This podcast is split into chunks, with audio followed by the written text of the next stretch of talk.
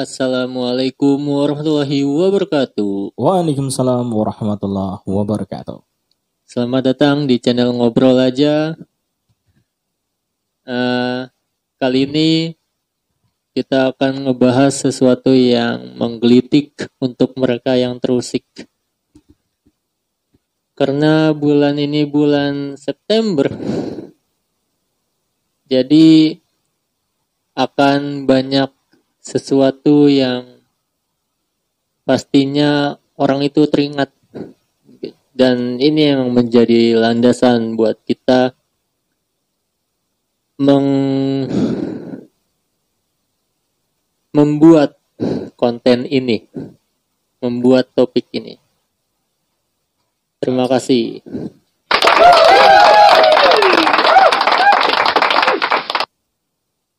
Oke, okay.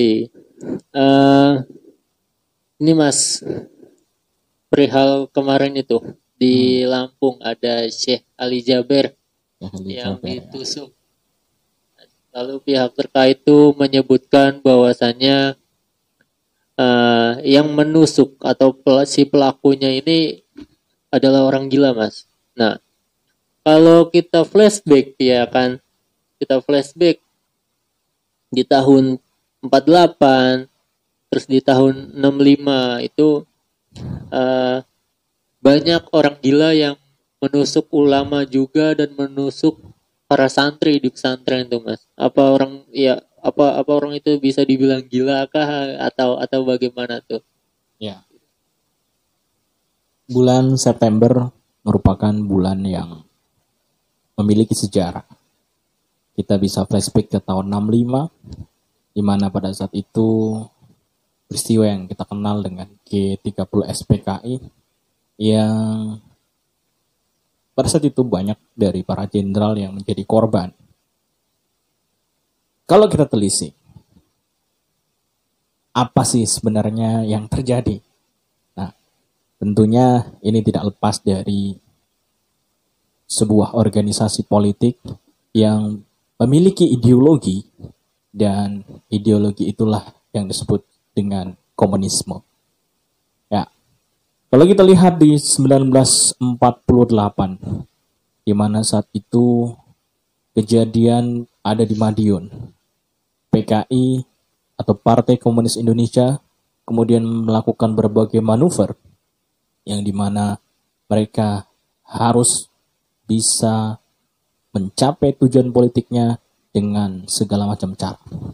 Ada istilah rawe-rawe rantas, malang-malang putung. Siapa pun yang menghalangi jalan mereka akan dibabat habis. Dan itu juga yang terjadi kepada para ulama dan santri yang tadi kata Mas Dika mereka dibunuh.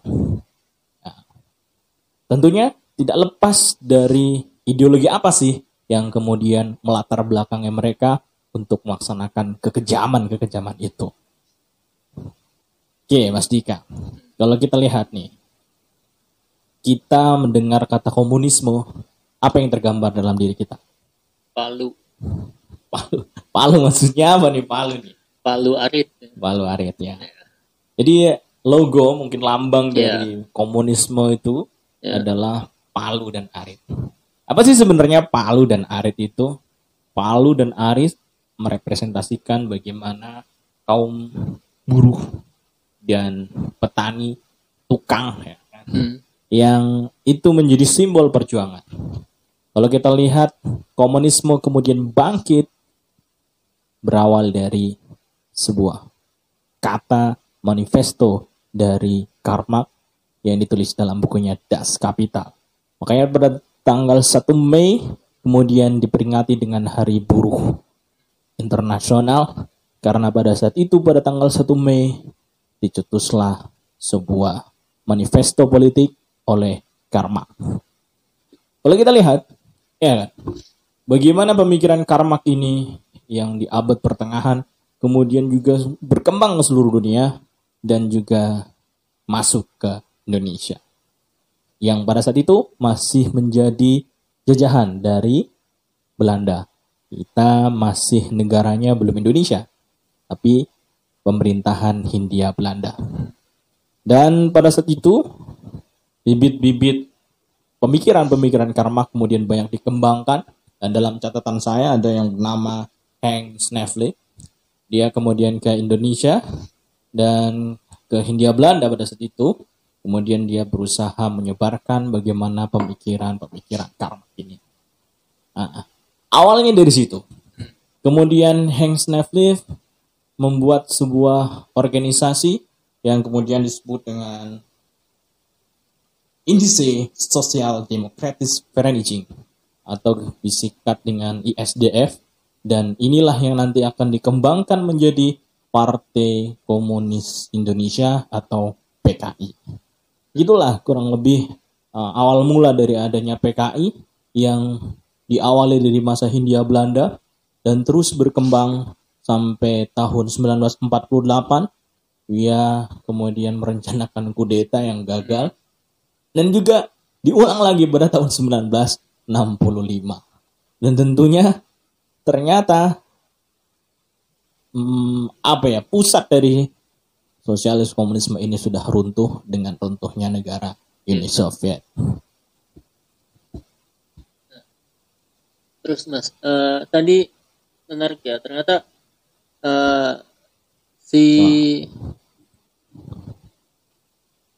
yang Sneflip itu dia dari yang berawal dia membuat apa tadi itu ternyata apa apa apa dia dia ada ada korelasinya enggak antara dia dengan si Karmak tadi ya dia merupakan apa ya orang yang mengagumi pemikiran-pemikiran hmm. Karmak dan kemudian berusaha menyebarkan pemikiran Karmak ke seluruh dunia dan tentunya dia berada di Hindia Belanda atau Indonesia pada saat itu.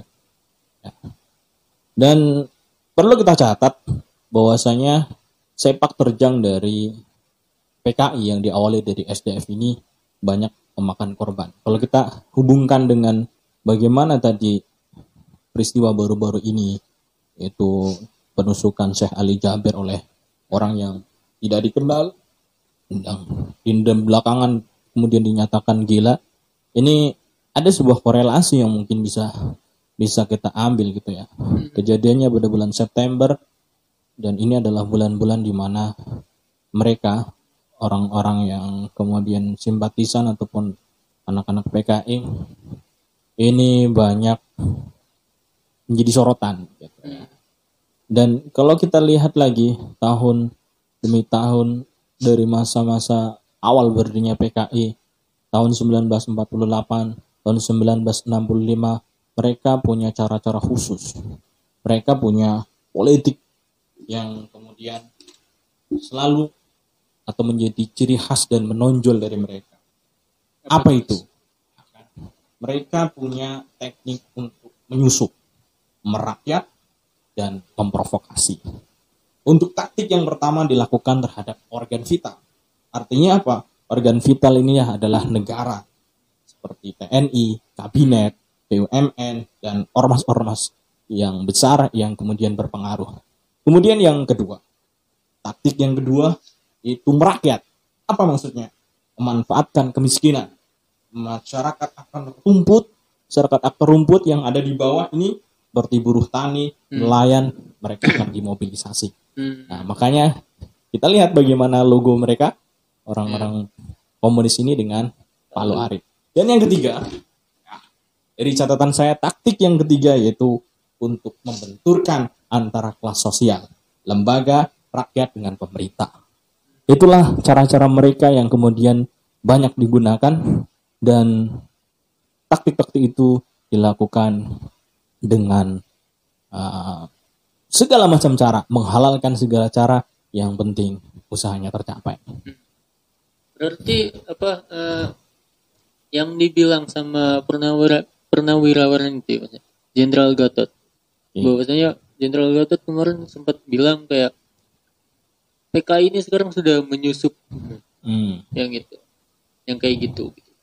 Artinya beliau pun udah udah udah mungkin udah tahu dari lama ya Mas ya, dari zaman dia menjabat mungkin ya. Itu baru saya lihat tadi di TV One di kabar petang dia diundang di TV One nah, dan dia iya. mengatakan bahwasanya mengenai pencopotannya sebagai iya. uh, panglima TNI ada kaitannya dengan yeah. Iya. uh, instruksi dari Leo yang Jenderal Gatot untuk hmm. menonton film G30S. Dan ketika dia kemudian ngobrol dengan salah satu koleganya, temannya, mendekat ya dari partai X gitu ya. Dan dia sudah diberikan semacam bocoran gitu. Artinya, jangan Lanjutkan. jangan dilanjutkan. Kalau tetap dilanjutkan, maka ya saya nggak bisa jamin. Nah, hmm. dia bilangnya seperti itu ya kan. Yeah. Artinya apa? Mungkin ada apa ya semacam ini ada sudah terstruktur gitu ya. Uh, isu-isu atau kemudian wacana-wacana tentang bagaimana bahaya laten dari PKI ini kemudian berusaha untuk ditutup-tutupi dan kalau kita lihat sejarah juga tiga tahun 1948 eh, dan juga 1965 itu sempat juga DNA Edit itu kemudian membuat buku putih gitu ya yang berusaha untuk memutarbalikan fakta. Jadi ulama dan santri yang kemudian dibunuh justru mereka membuat agar seolah-olah PKI ini menjadi korban gitu ya.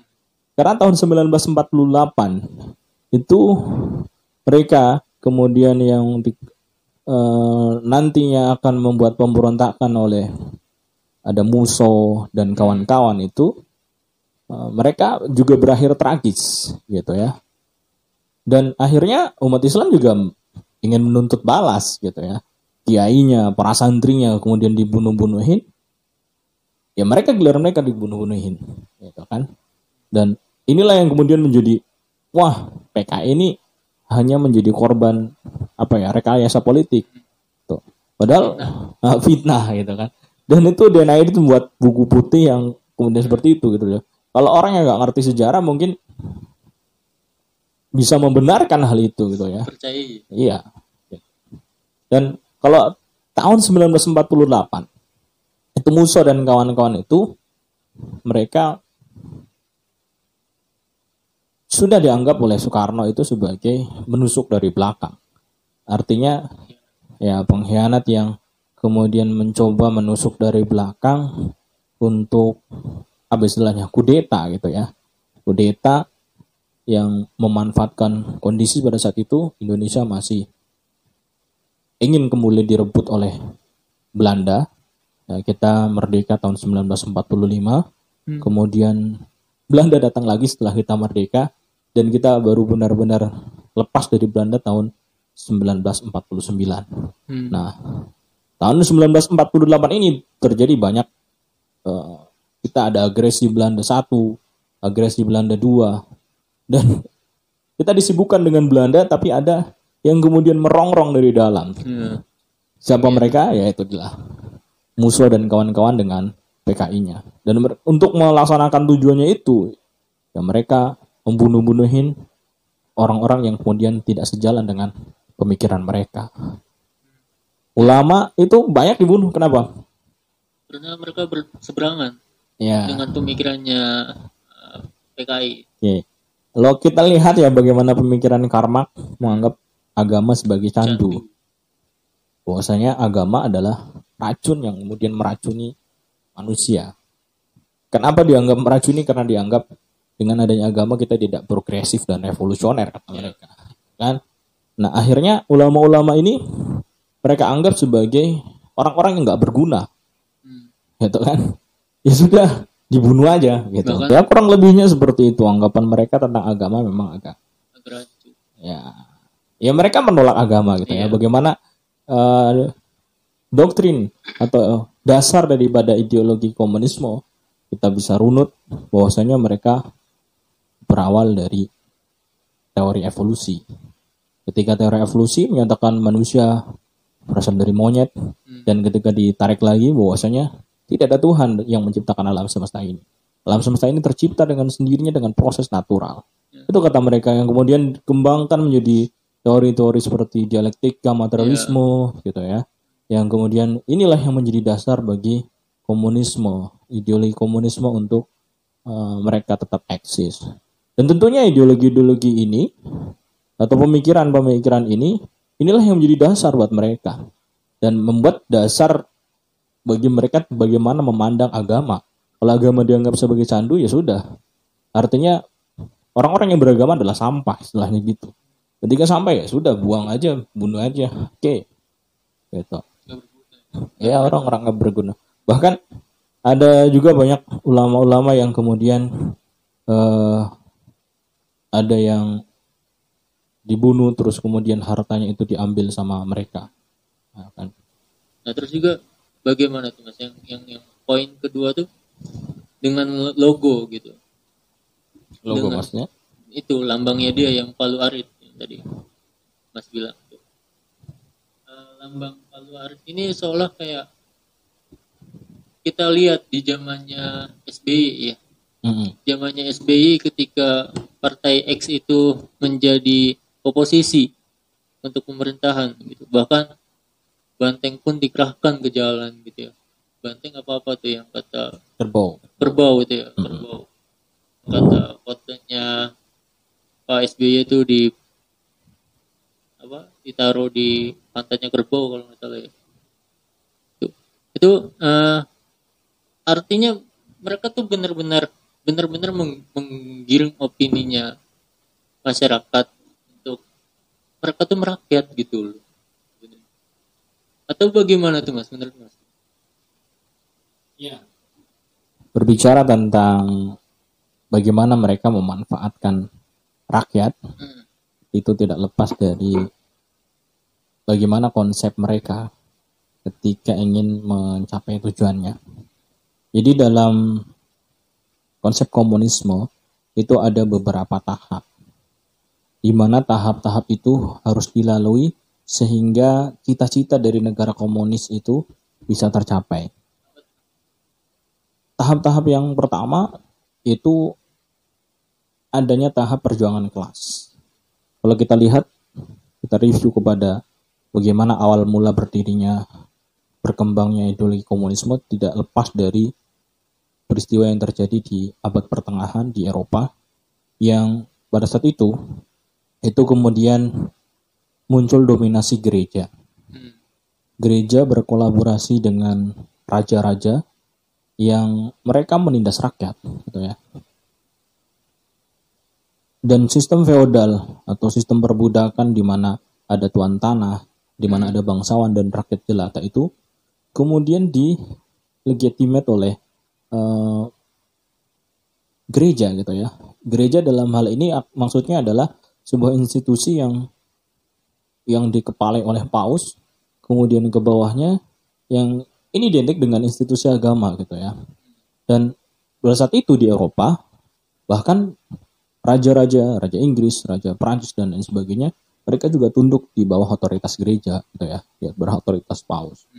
Dan ini yang kemudian banyak memunculkan pertentangan gitu ya. Karena apa? Karena terkadang dalam agama atau agama Kristen pada saat itu itu ada hal-hal yang sama sekali tidak produktif dan ini justru mengekang ilmu pengetahuan.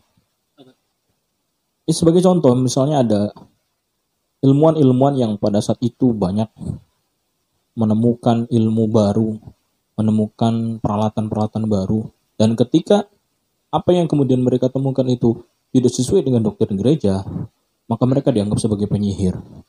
Galileo Galilei, Copernicus dan lain sebagainya, mereka dieksekusi, bahkan ada yang dibakar dan lain sebagainya. Ya akhirnya muncul pertentangan di kalangan filosof gitu ya. Orang-orang pintar, orang-orang uh, cendekiawan ya. ya. Tidak mau agar ini terus berlarut-larut Ya akhirnya apa? Akhirnya menimbulkan uh, penentangan dan perlawanan agar mereka terlepas dari lingkungan gereja. Dan akhirnya mereka-mereka uh, yang kemudian sangat membenci terhadap agama gitu ya, kemudian ingin memisahkan agama dari kehidupan dan ingin membuang jauh-jauh agama. Tapi di sisi lain juga ada uh, orang-orang yang kemudian menganggap agama itu penting gitu ya pada saat itu. Ya, agama itu penting dan dan itulah yang menjadi petunjuk bagi manusia bagaimana hidup gitu ya. Tanpa adanya agama, ya manusia sama halnya kayak hewan gitu. Nah, ternyata dua pendapat ini kemudian membuat sebuah kompromi. Komprominya adalah, oke, okay, agama ada. Tapi agama tidak boleh, sama sekali tidak boleh mengurusi urusan publik. Mengurusi urusan politik, mengurusi urusan ekonomi, itu tidak boleh dilakukan oleh agama. Agama hanya boleh dilakukan dalam ranah privat.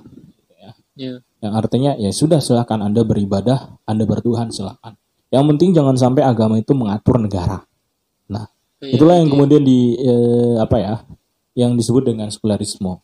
Memang eh, sekularisme ini kemudian menjadi apa ya tren gitu ya, hmm. menjadi suatu hal yang kemudian diakui oleh semua orang dan dianggap benar gitu ya.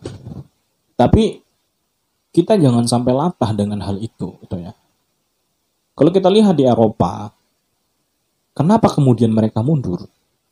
Karena mereka dikungkung oleh agama. Ya kan? Bagaimana biar bisa maju? Ya sudah agamanya dibuang. Gitu ya.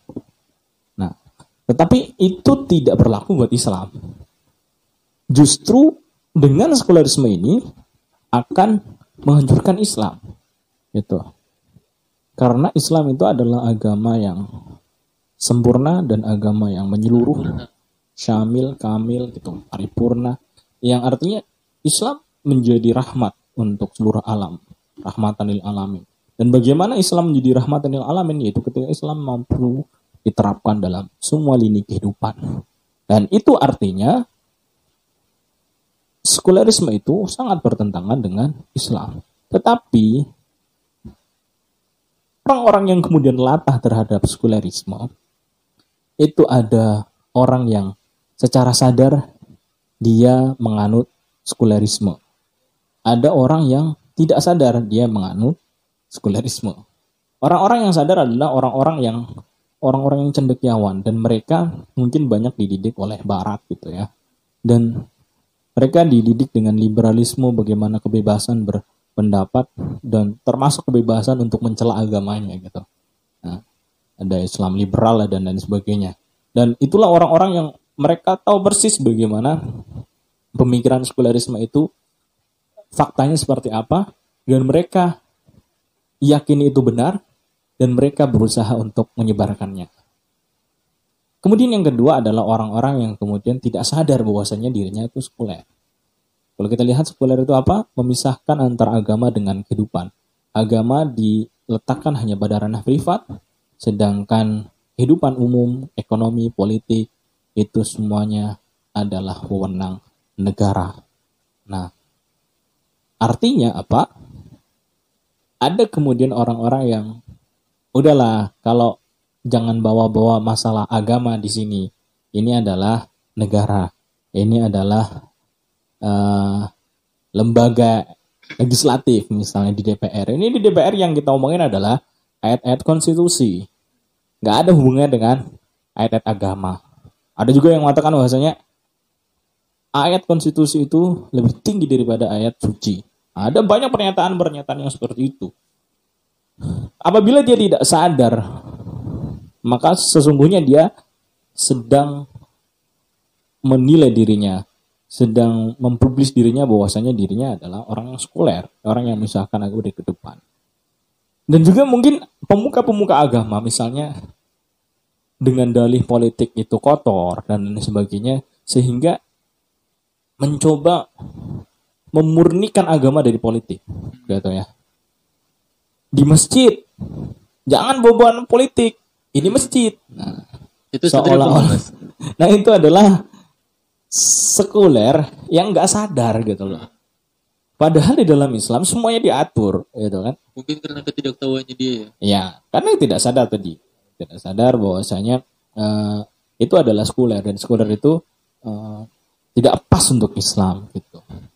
Yang artinya Islam membahas semuanya, membahas dari mulai hal-hal yang paling kecil, bagaimana cara masuk WC, bagaimana cara pakai sendal itu ada semuanya, itu kan ya. Dan hal-hal apalagi yang kecil aja sudah diatur, apalagi hal-hal yang itu berkaitan dengan orang banyak, dengan negara gitu ya. Uh, mungkin para politisi Islam, para politisi Islam itu mereka banyak yang kemudian membahas tentang kitab Ahkam Sultania yang membuktikan bahwasanya Islam sudah mengatur politik gitu ya. Bagaimana politik itu diatur menurut Islam gitu. Itu semuanya diatur sama Islam. Dan kemudian kalau sekarang ada orang yang mengatakan jangan bawa-bawa politik ke dalam Islam. Atau sebaliknya.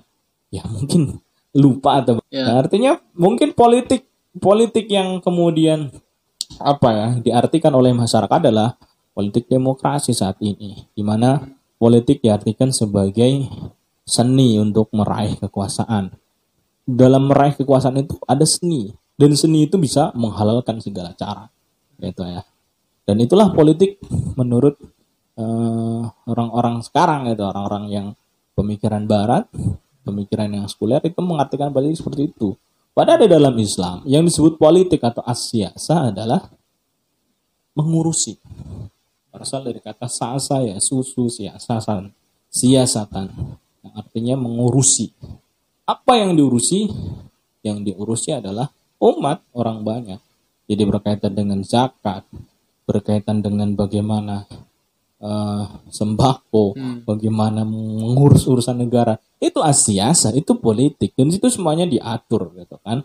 Dan itulah kemuliaan Islam yang kemudian mengatur seluruh lini kehidupan.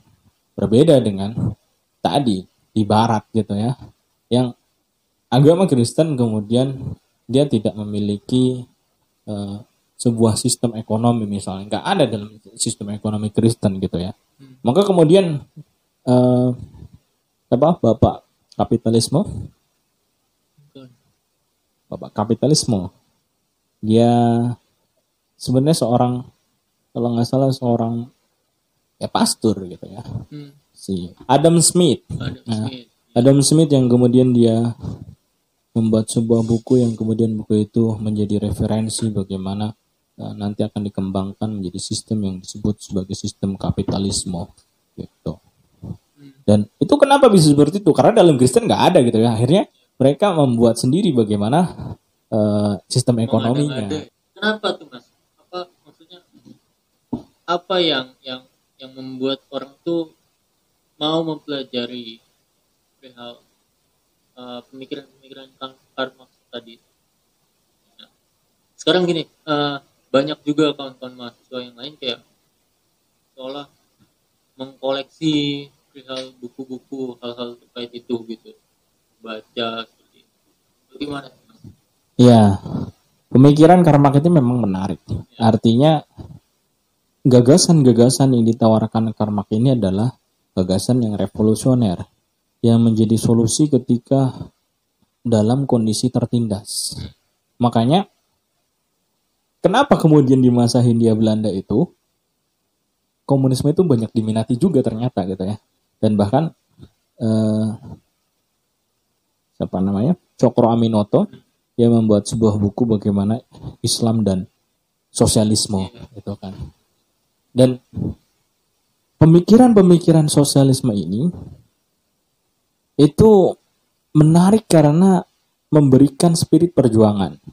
Dan spirit perjuangan itulah yang kemudian dipakai oleh para aktivis baik itu aktivis dulu ketika masa masa Hindia Belanda untuk terutama mereka melawan kolonialisme maupun spirit ketika mahasiswa itu kemudian merasa dibungkam oleh Orde Baru gitu ya. Dan itu memang ide-ide karmak itu kemudian menjadi semacam spirit yang yang apa ya menuntun langkah gerak mereka gitu ya sehingga uh, ideologi-ideologi atau ide-ide ini kemudian banyak diminati oleh mahasiswa. Bagaimana tahun 98 yang kemudian Soeharto akhirnya tumbang setelah 32 tahun memerintah. Kalau kita lihat siapa yang di belakang mereka, ada Forkot, ada apa namanya? Banyak ya organisasi-organisasi uh, mahasiswa yang kita ketika kita telisik bagaimana pemikiran-pemikiran uh, mereka ternyata mereka banyak dipengaruhi oleh pemikiran karma atau marxisme. Ya karena itu memberikan perjuangan ya semangat perjuangan bagaimana uh, mereka harus mampu memecahkan sebuah dialektika di mana harus menumbangkan kaum burjuis gitu ya.